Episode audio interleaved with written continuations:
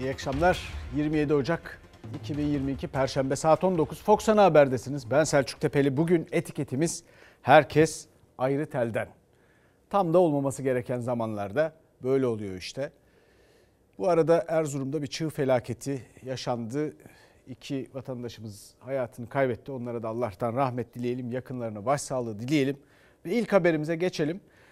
İstanbul'da kar durdu, erimeye başladı. Fakat siyasette buzlar çözülmedi.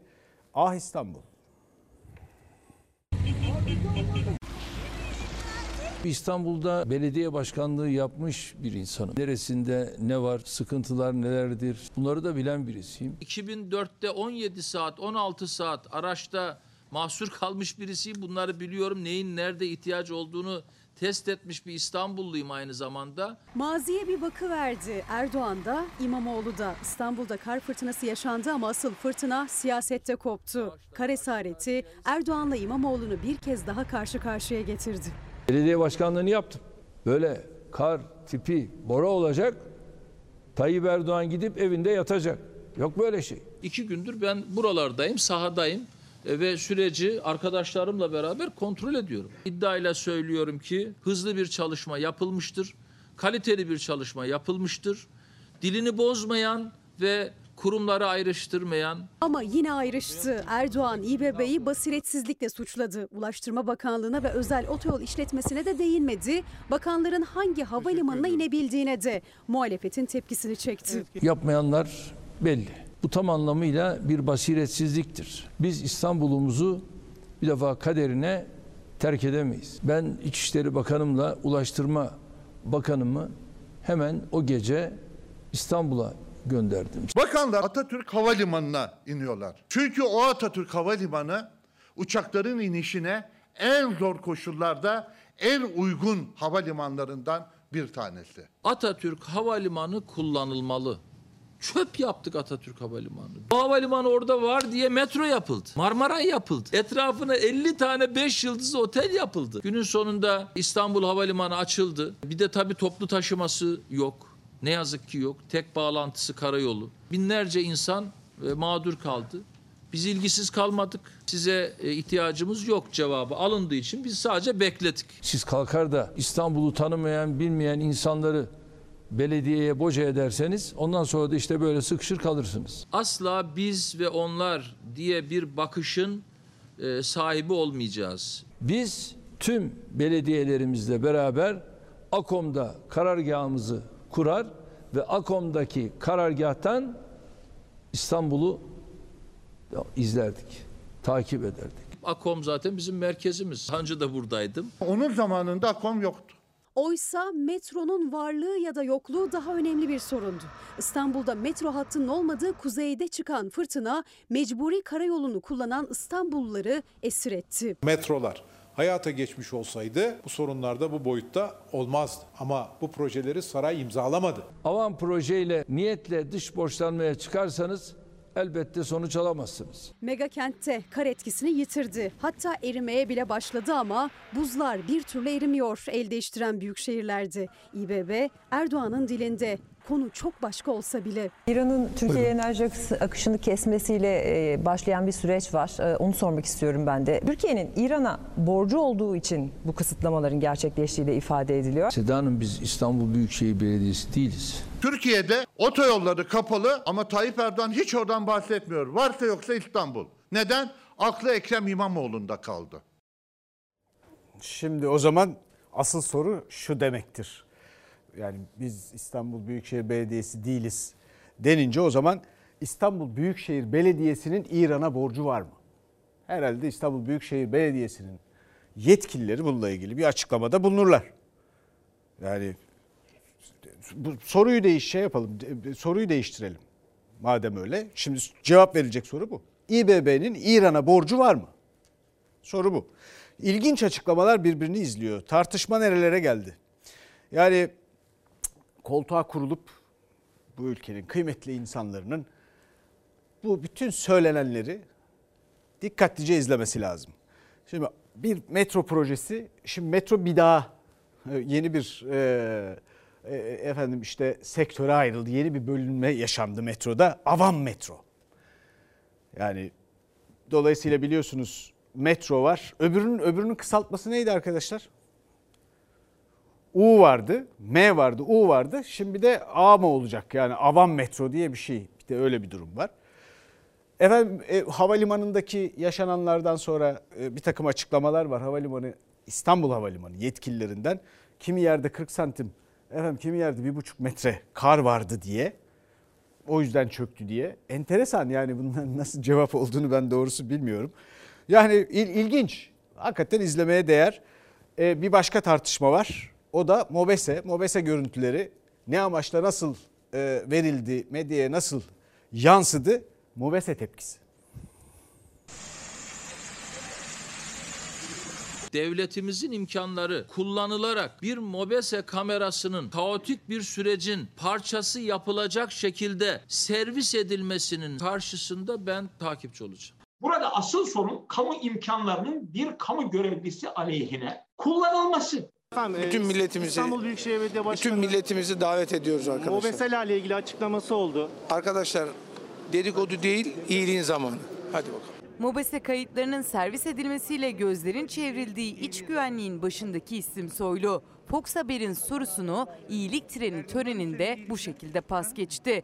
Soru işareti giderek büyüdü. Ekrem İmamoğlu kar fırtınası çıktığında nerede yemek yedi, kaç dakika yedi, aracı hangi yollardan geçti? Güvenlik ve huzuru sağlamak amacıyla kullanılan kameraların bakanın da dile getirdiği gibi siyasi dedikodu malzemesi olarak kullanılması soğukla mücadele eden İstanbul'u ve Türkiye'de siyaseti kaynattı. Burada bunun amiri kim?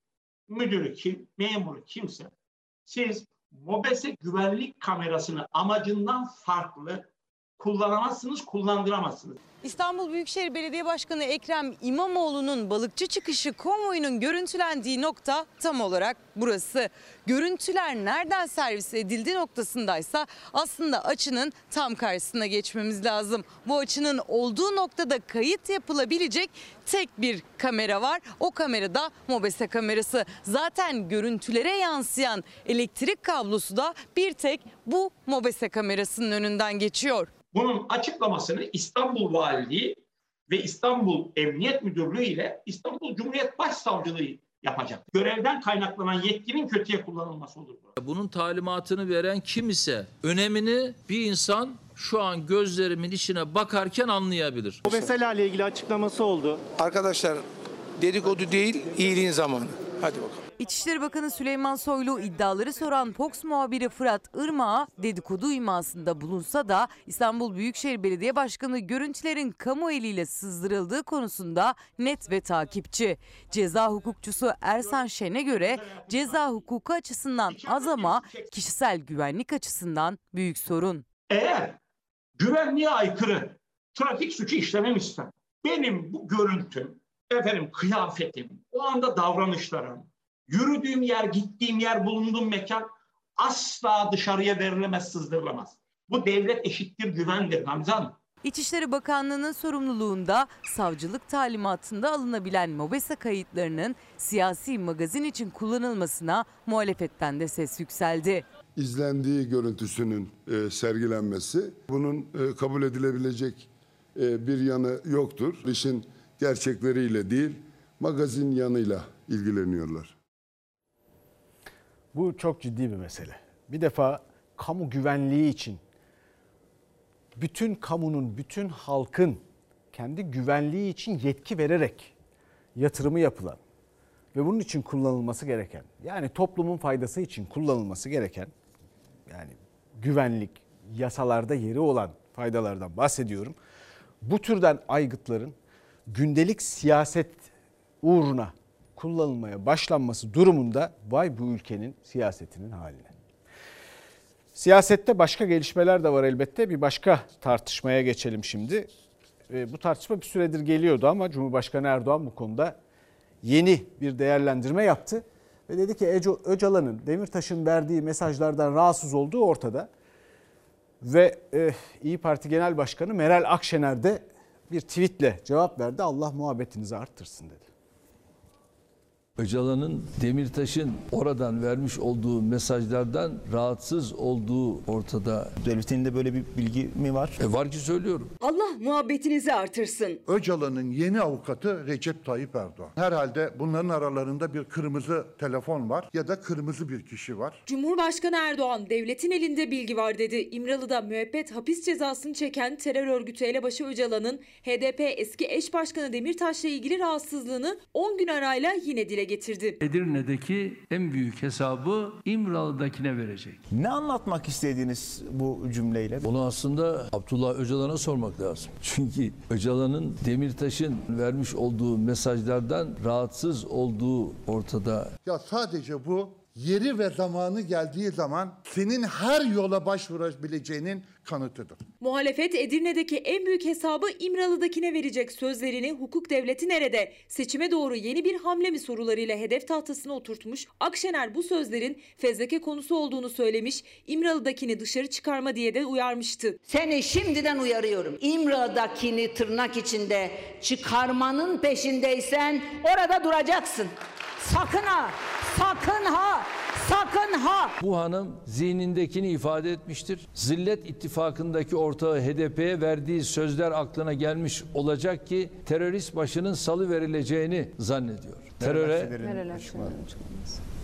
Nasıl? Meral Akşener'in açıklaması. Cumhurbaşkanı Erdoğan katıldığı bir televizyon programında Öcalan ve Demirtaş'la ilgili sözleri sorulunca kurdu bu cümleleri. Aslında soru başkaydı. Cevap bu hanım diyerek başlayınca Erdoğan'ın Akşener'i kastettiğini programdaki gazeteciler hatırlattı. Teröriste karşı tavizsiz bir mücadele devam ederken bu hanımefendinin böyle bir iftirada bulunması siyaset değil, tek kelimeyle yalandan medet ummaktır. İmra'dakini çıkarmanın peşindeysen orada duracaksın. O sandık geldiğinde kim kimden nasıl hesap kesiyormuş ilk elden görürsün. Hanımefendi sözlerimizi işine geldiği gibi anlıyor. Çünkü işine HDP'ye verdiği sözler geliyor. Herkes haddini bilmek zorundadır. Türkiye Cumhuriyeti Devleti ve onu yönetenler kendisine savaş açmış bir teröristin posta güvercini olamaz. Seçime kadar bu tartışmalar bitecek gibi görünmüyor. Bu yanlış bir bakış açısı.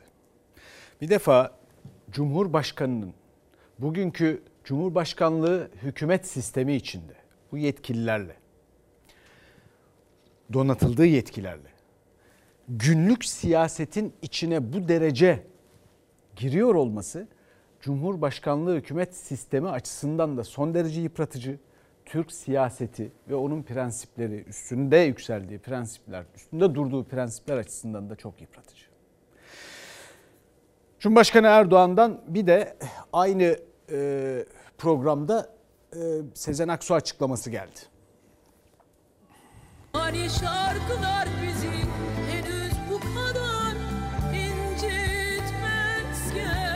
Dilini koparma ifadesini benim oradaki hitabımın muhatabı Sezen Aksu değildir. Eskidendi,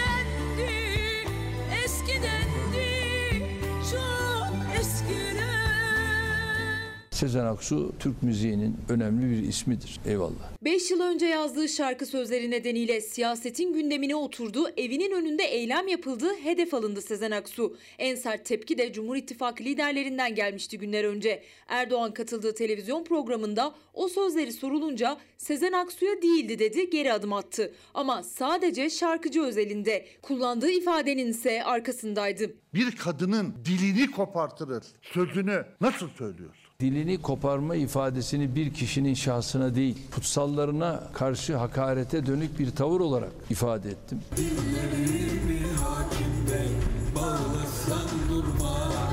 Sezen Aksu siyasetçilerin kendisi için kullandığı ağır ifadelere ise yine sanatçı kimliğiyle şarkı sözleriyle yanıt verdi. Sen beni üzemezsin. Zaten çok üzgünüm. Nereye baksam acı. Ben avım, sen avcı. Vur bakalım. Şarkılarıyla insanımızın duygularına tercüman olmuş bir sanatçımızdır. Bu başka bir şey. Bunu bir kenara koyalım. Ben ülkenin cumhurbaşkanı olarak insanımızın hangi inançtan olursa olsun dini değerlerine yani kutsalına laf edilmesine müsaade etmem. Sen gerçekten rahatsız oluyorsan katledilen kadınlarla ilgili konuşsana. Cumhurbaşkanı Erdoğan kullandığı ifadenin Aksu'ya yönelik olmadığını söyleyip geri adım attı ama meclis grup kürsüsünden şarkıcının lakabına gönderme yapan Devlet Bahçeli'nin nasıl bir tavır alacağı merak konusu. Bu sanatçıya diyorum ki serçeysen serçeliğini bil. Sakın kuzgunluğa heves etme.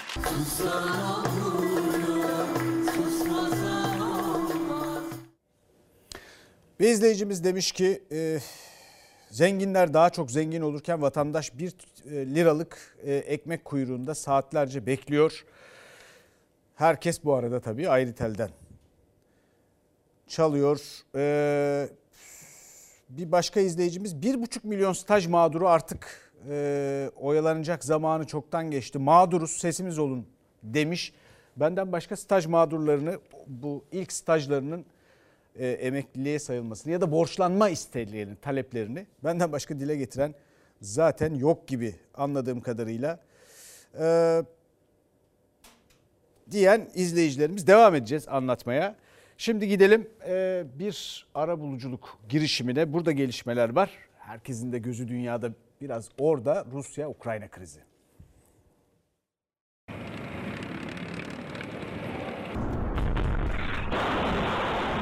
Rusya-Ukrayna hattında tansiyon yükselirken ABD ve NATO'dan krizi derinleştirecek hamle geldi. Rusya'nın güvenlik taleplerine olumsuz yanıt verildi. Savaş beklentisi artarken Ankara arabuluculuk için adım attı. Cumhurbaşkanı Erdoğan, Rus lider Putin'i Türkiye'ye davet ettiğini açıkladı. Dünyanın Covid-19 ile birlikte en önemli gündem maddesi Rusya-Ukrayna gerilimi. Rusya, Ukrayna'yı 100 binden fazla asker, binlerce tank, top ve zırhlı araçla kuşattı. Belarus, Kırım ve Karadeniz'de hava, deniz ve kara tatbikatlarıyla meydan okudu. Savaşın ayak sesleri duyulurken Türkiye devreye girdi. Rusya ve Ukrayna'ya ara buluculuk teklifi götürdü. Biz şu anda Sayın Putin'i de ülkemize davet ettik. İki lideri arzu ederlerse ülkemizde bir araya getirerek barış ortamının yeniden tesisine giden yolu açabiliriz. Cumhurbaşkanı Erdoğan'ın davetine Kremlin olumlu yanıt verdi. Sözcü Peskov, Putin'in Türkiye'ye gideceğini söyledi. Ziyaretin stratejik işbirliği toplantısı kapsamında gerçekleşeceğini belirtti. Arabuluculuk teklifine değinmedi. Rus liderin geliş tarihi ise belli değil. Sayın Cumhurbaşkanımız Putin'i Türkiye'ye davet etti. Ocak ayı uymadı. Putin'in Pekin olimpiyatlarından döndükten sonra e, bir tarih verebileceklerini de arkadaşlarımıza e, söylemişler. Rusya-Ukrayna geriliminde ise Amerika ve NATO'dan kritik adım geldi. Ukrayna'nın NATO'ya alınmamasını ve Doğu Avrupa'daki NATO güçlerinin çekilmesini isteyen Moskova'ya olumsuz yanıt verildi. ABD Dışişleri Bakanı Blinken, Rusya'ya ciddi bir diplomatik çözüm yolu önerdik, tercih onlara kalmış dedi. Mektuba yanıt gecikmedi. Kremlin sözcüsü Peskov taleplerinin reddedilmesinin iyimserliğe fazla yer bırakmadığını vurguladı. Dışişleri Bakanı Lavrov ise Batı'nın bu konuda kurnazca davrandığını söyledi. Amerika Birleşik Devletleri'nden gelen yanıtı analiz ettiklerini, bunun biraz zaman alacağını belirtti. Bundan sonra atılacak adımlara Putin karar verecek dedi.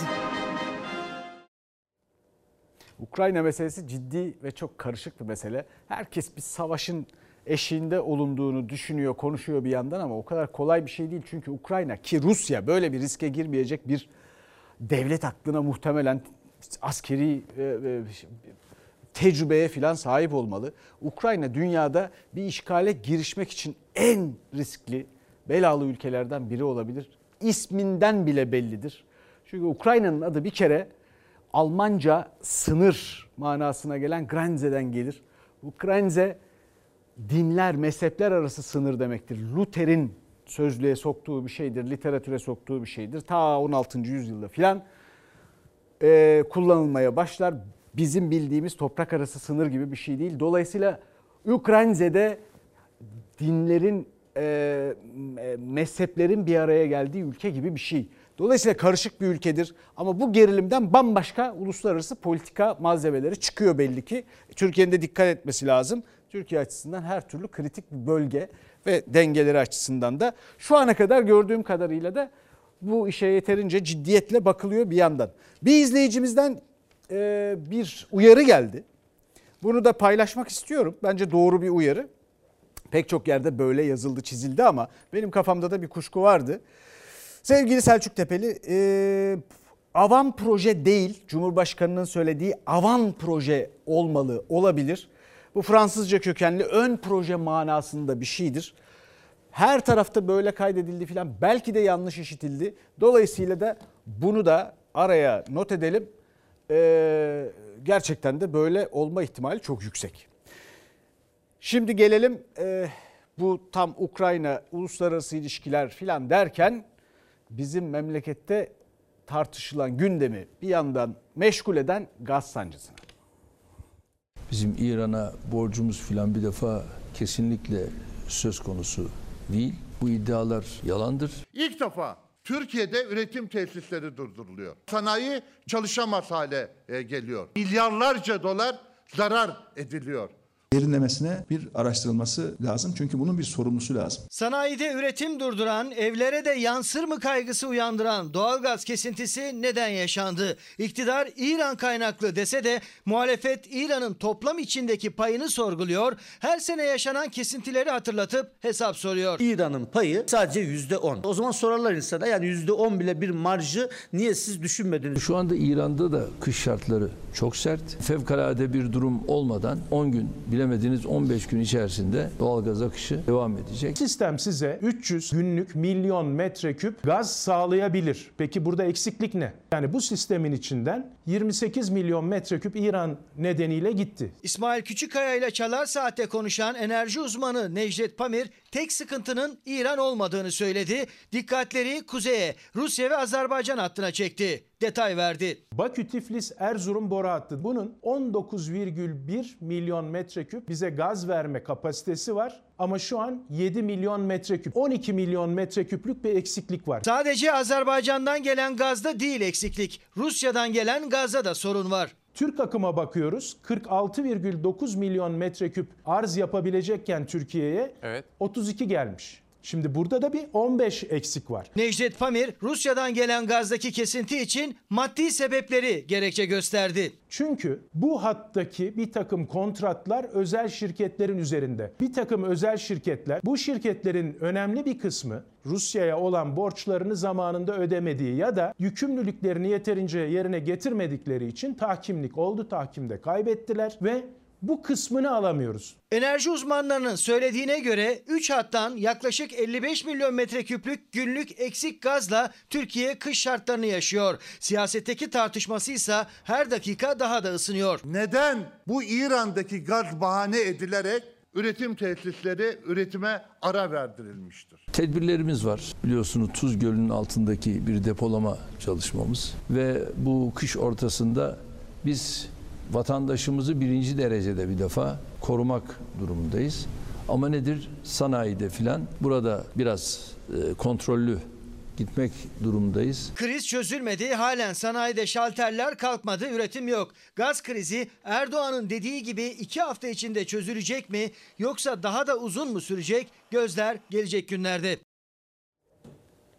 Peki bu durumda sanayici üretirken bir miktarda e, insanlar bununla ilgili endişeleniyorlar ama asıl sıkıntı çeken üretimi durdurmak zorunda olanlar. Dolayısıyla herkes ayrı telden bir şeyler söylüyor ama bir de sanayici ne yapsın ona bakalım.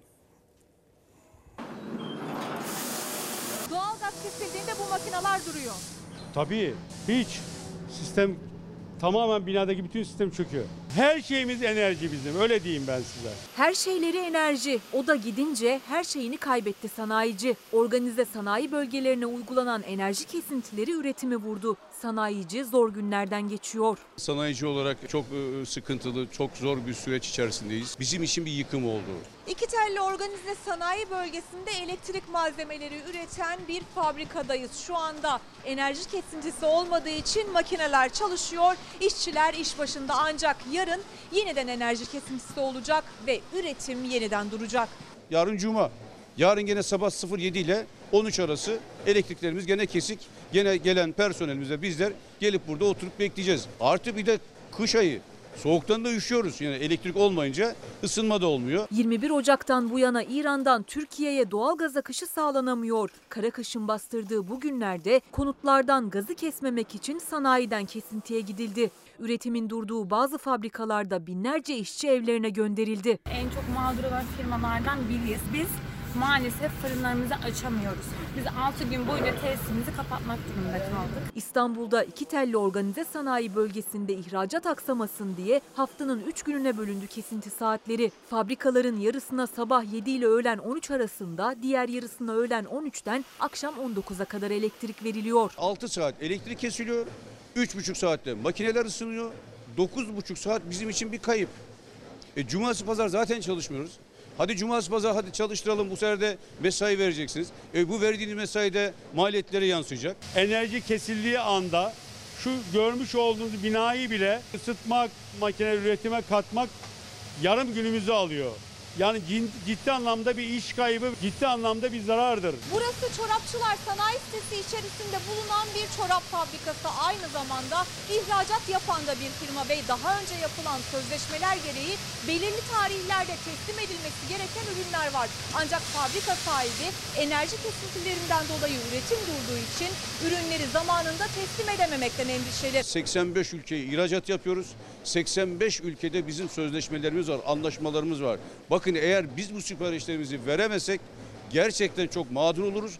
Bırakın onun ötesinde bize karşı dava açarlar, siparişi iptal ederler ve farklı farklı pazar arayışına girerler. Bu anlamda sıkıntı büyük. Bir sanayici olarak önünüzü görebiliyor musunuz? Ya görme şansımız yok. 10 günlük denilen şeyin yarın haftaya ne olacağını kimse bilmiyor. Bu da ciddi bir problem. Ne yapacağımızı bilmez durumdayız. Yöneticiler, bakanlıklar, buna bağlı bütün kurumlar birlikte oturup kriz masası oluşturup bu kriz masasında bu işleri birlikte çözmemiz gerekiyor. Süreç uzarsa zincirin en önemli halkası olan üretim ağır bir darbe alacak. Bu da işsizlik sayısının artması, ihracatın azalması, fabrikaların kapanması demek. Eğer bu fabrikada elektrik kesintileri daha da uzarsa bu fabrika üretime devam edebilecek mi? İnşallah olmaz edemez. Eğer bu böyle giderse biz ileriki bir süreçte kapatmak zorunda kalırız. Bir izleyicimiz demiş ki herkes ayrı telden. Aynen öyle.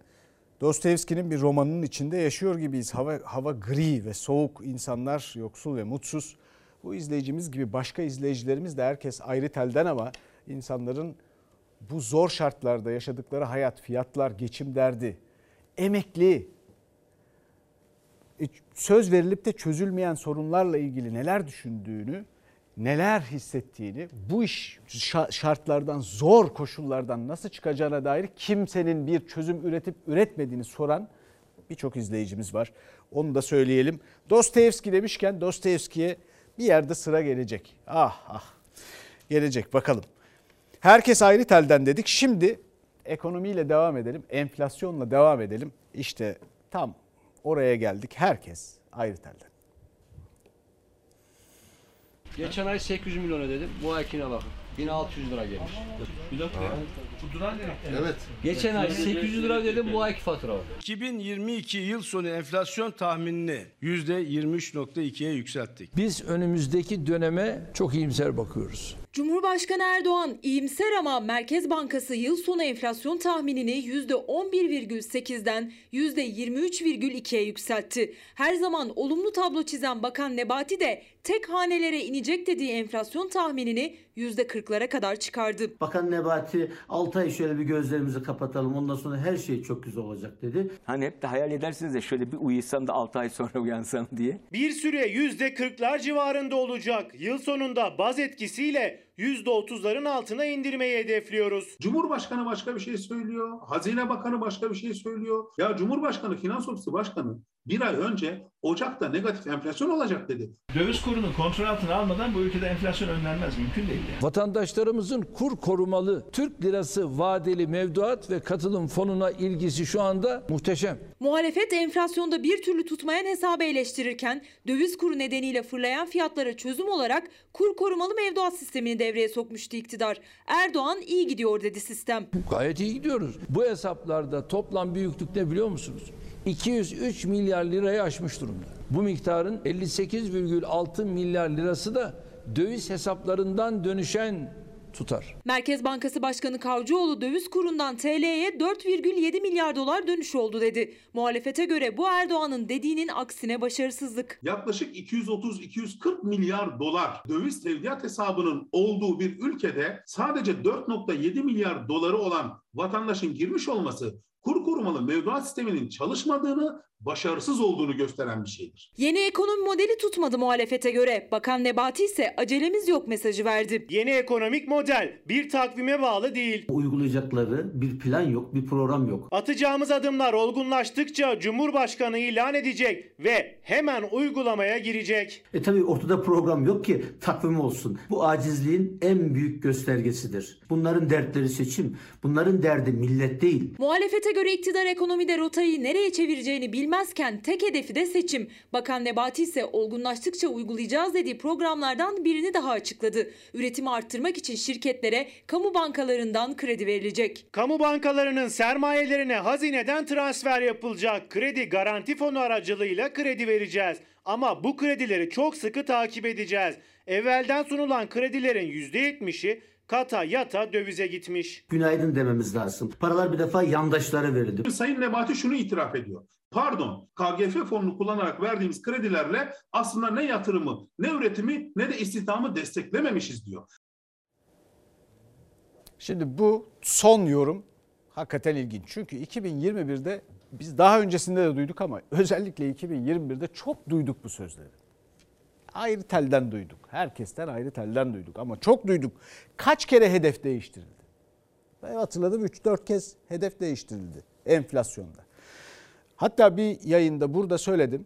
%123 yanılma payı enflasyonda. Nasıl olur? Böyle bir tahmin olur mu? %123 yanılma payı mı olur? Şimdi 2022 için yeni bir hedef var. Bir aralar hatırlıyorsunuz %5'ti. 2022 enflasyon hedefi %5'ti. Çok uzun bir zaman önce değil. Yani öyle ilginç bir durum var ki ekonomi güven demek ve öngörülebilirlik demek.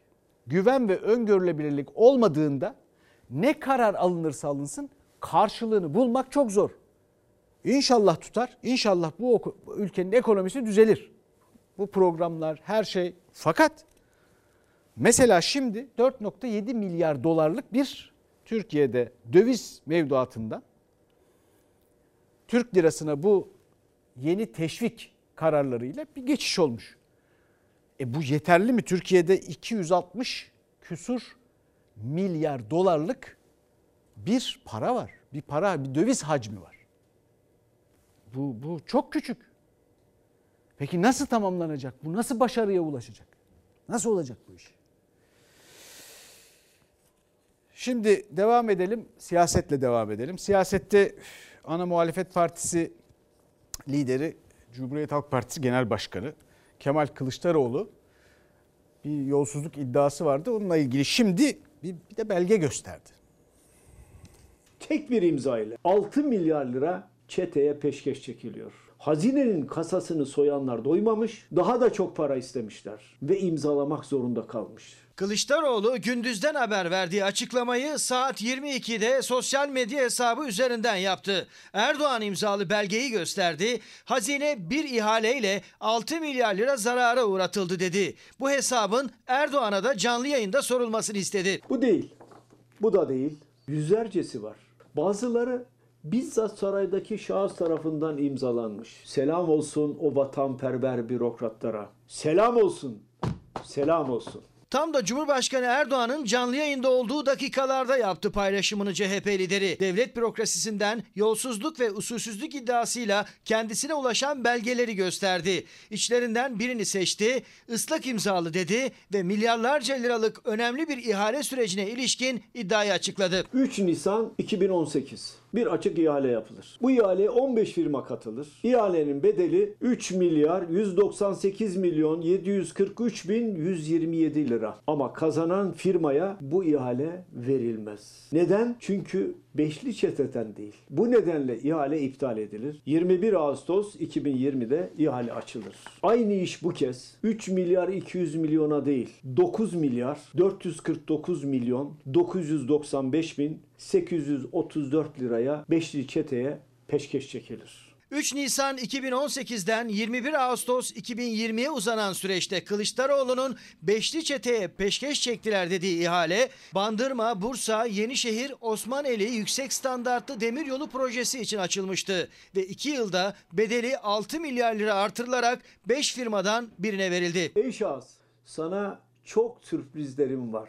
Benim karşıma çıkamıyorsun ama karşında oturan cesur gazetecilere sesleniyorum. Bu belgeleri kendisine sorabilir misiniz? Kılıçdaroğlu Erdoğan'ın soruları yanıtladı. Canlı yayına da haber gönderdi. İddiasının sorulmasını istedi Erdoğan'a. Yetmedi. Üzerine bir de yazılı mesaj yolladı. Siz sormaya çekindiniz. Bağlayın isterseniz ben sorayım. Islak imzalı milyarları. Cesareti var mı benimle yüzleşmeye? Milleti aldatmaktan başka hiçbir şey yapmıyorlar. Ne için imza atıyor anladınız mı? Aradaki 6 milyarlık fark için tek bir imza ile 6 milyar lira çeteye peşkeş çekiliyor. CHP lideri Erdoğan'ın yanıtlamasını istediği ıslak imzalı deyip belgesini gösterdiği iddiayı gündeme böyle taşımış oldu. Canlı yayında olmadı ama gözler Kılıçdaroğlu'na vereceği yanıt için Erdoğan'da.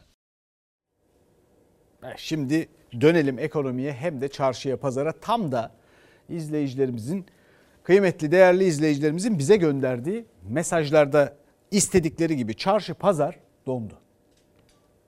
Ne oldu? Hal, hala kapalı mı? Açık. Kurulmamış tezgahlar.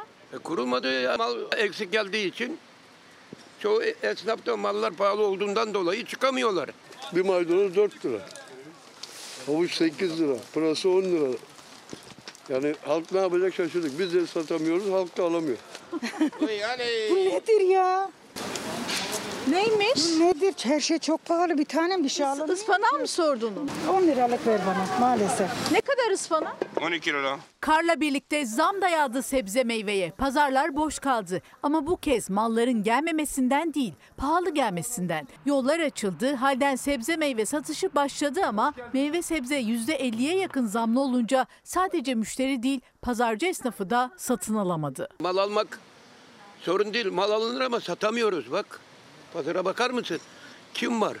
Her şey pahalı. Yolda kalan sebze meyveler İstanbul'a geldi ama pazarlarda hala tezgah yerleri boş kaldı. Yüksek fiyatlar yüzünden birçok tezgah kurulamadı. Çok az tezgah var. Neden? Fazla yoğunluk olmadığı için bir kilo kabak 15 lira, bir kilo biber 15 lira. Tatlı biber 30 lira. 30. Evet millette alım gücü yok. 250 gram 100 gram biber satıyoruz. Zaten alım gücü düşen tüketiciyi sebze meyve fiyatları zorluyordu. Kardan önce 1,5 lira olan maydanoz ilk kez 4 lirayı gördü. 4 lira olan havuç 8 liraya, 5 lira olan pırasa 10 liraya, 8 liralık ıspanak 12 liraya, 5 liralık salatalık 12 liraya çıktı. Marul 7-10 lira arasında satılıyor. Biberler 30 lira, bir adet biberin fiyatı 1 liranın üzerine çıktı. 4 tane tek biber satıyoruz. Kadar onun 4 tane fiyatı? 4 tanesi 5 lira. Ay bir roka 5 lira. Şu kadarcık bir roka. Şu kadarcık. Fiyatlar felaket yani. Badem satıyorduk 6 lira 7 lira. 12 lira 13 lira. Burası 5 lira. Farklı. Geçen hafta öyle aldım. Bu hafta 8 lira. Kırmızı lahana tanesi 8 lira, 6 lira, 5 lira. 5 lira bu. Ablacığım bu bir kerelik, bir kerelik. 5 aldığını 2 alıyor.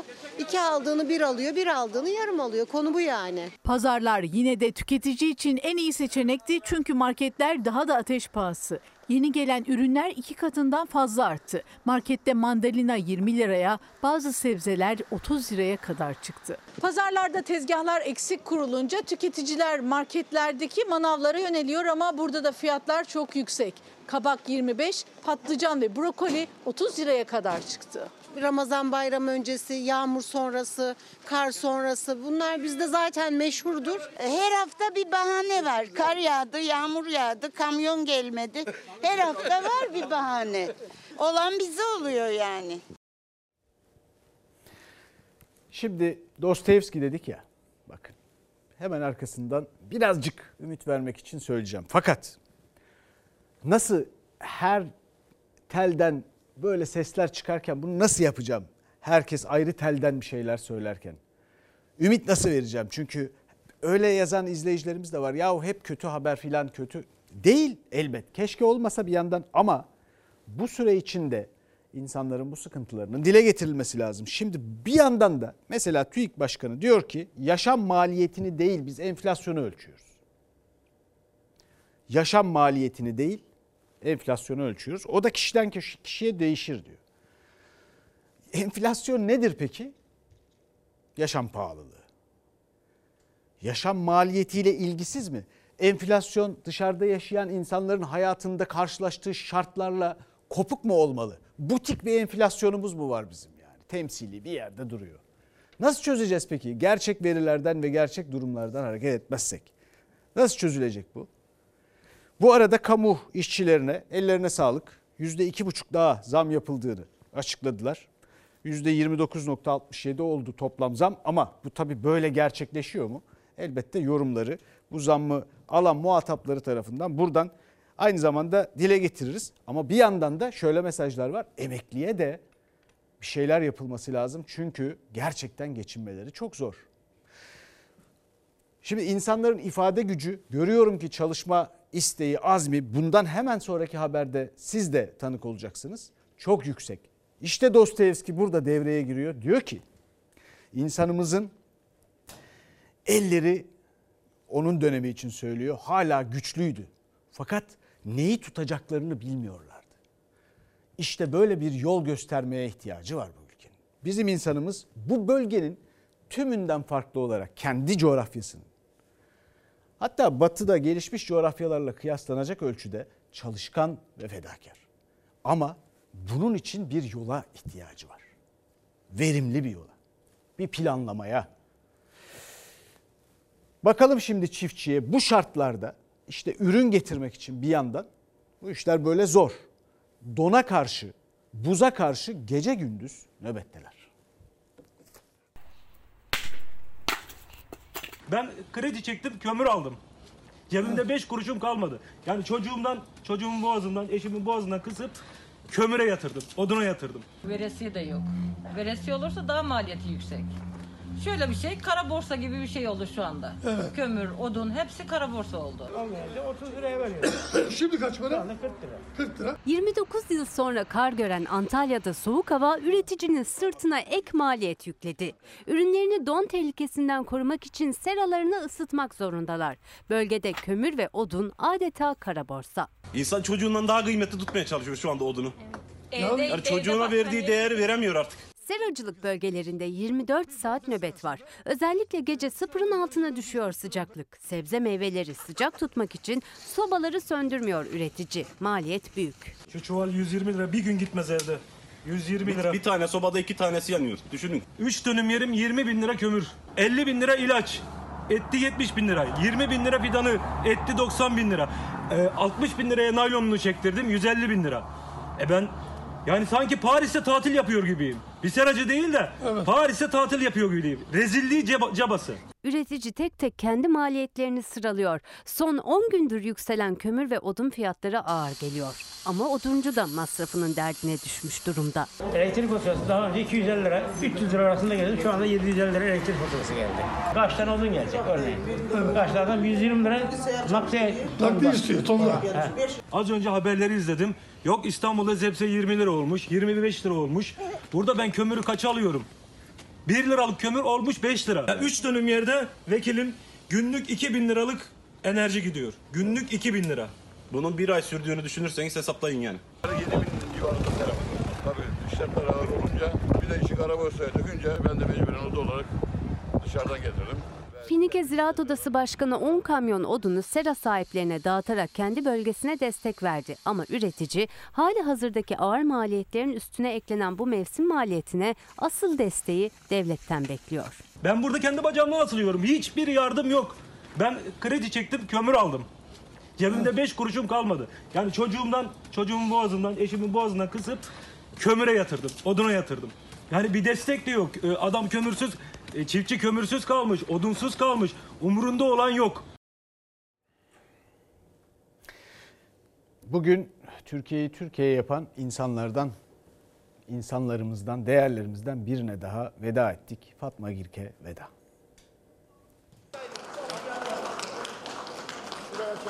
Hepinizin, Türkiye'mizin başı sağ olsun. Biz boncuğumuzu kaybettik. Kızımızı değil. Boncuğumuz bizim oldu.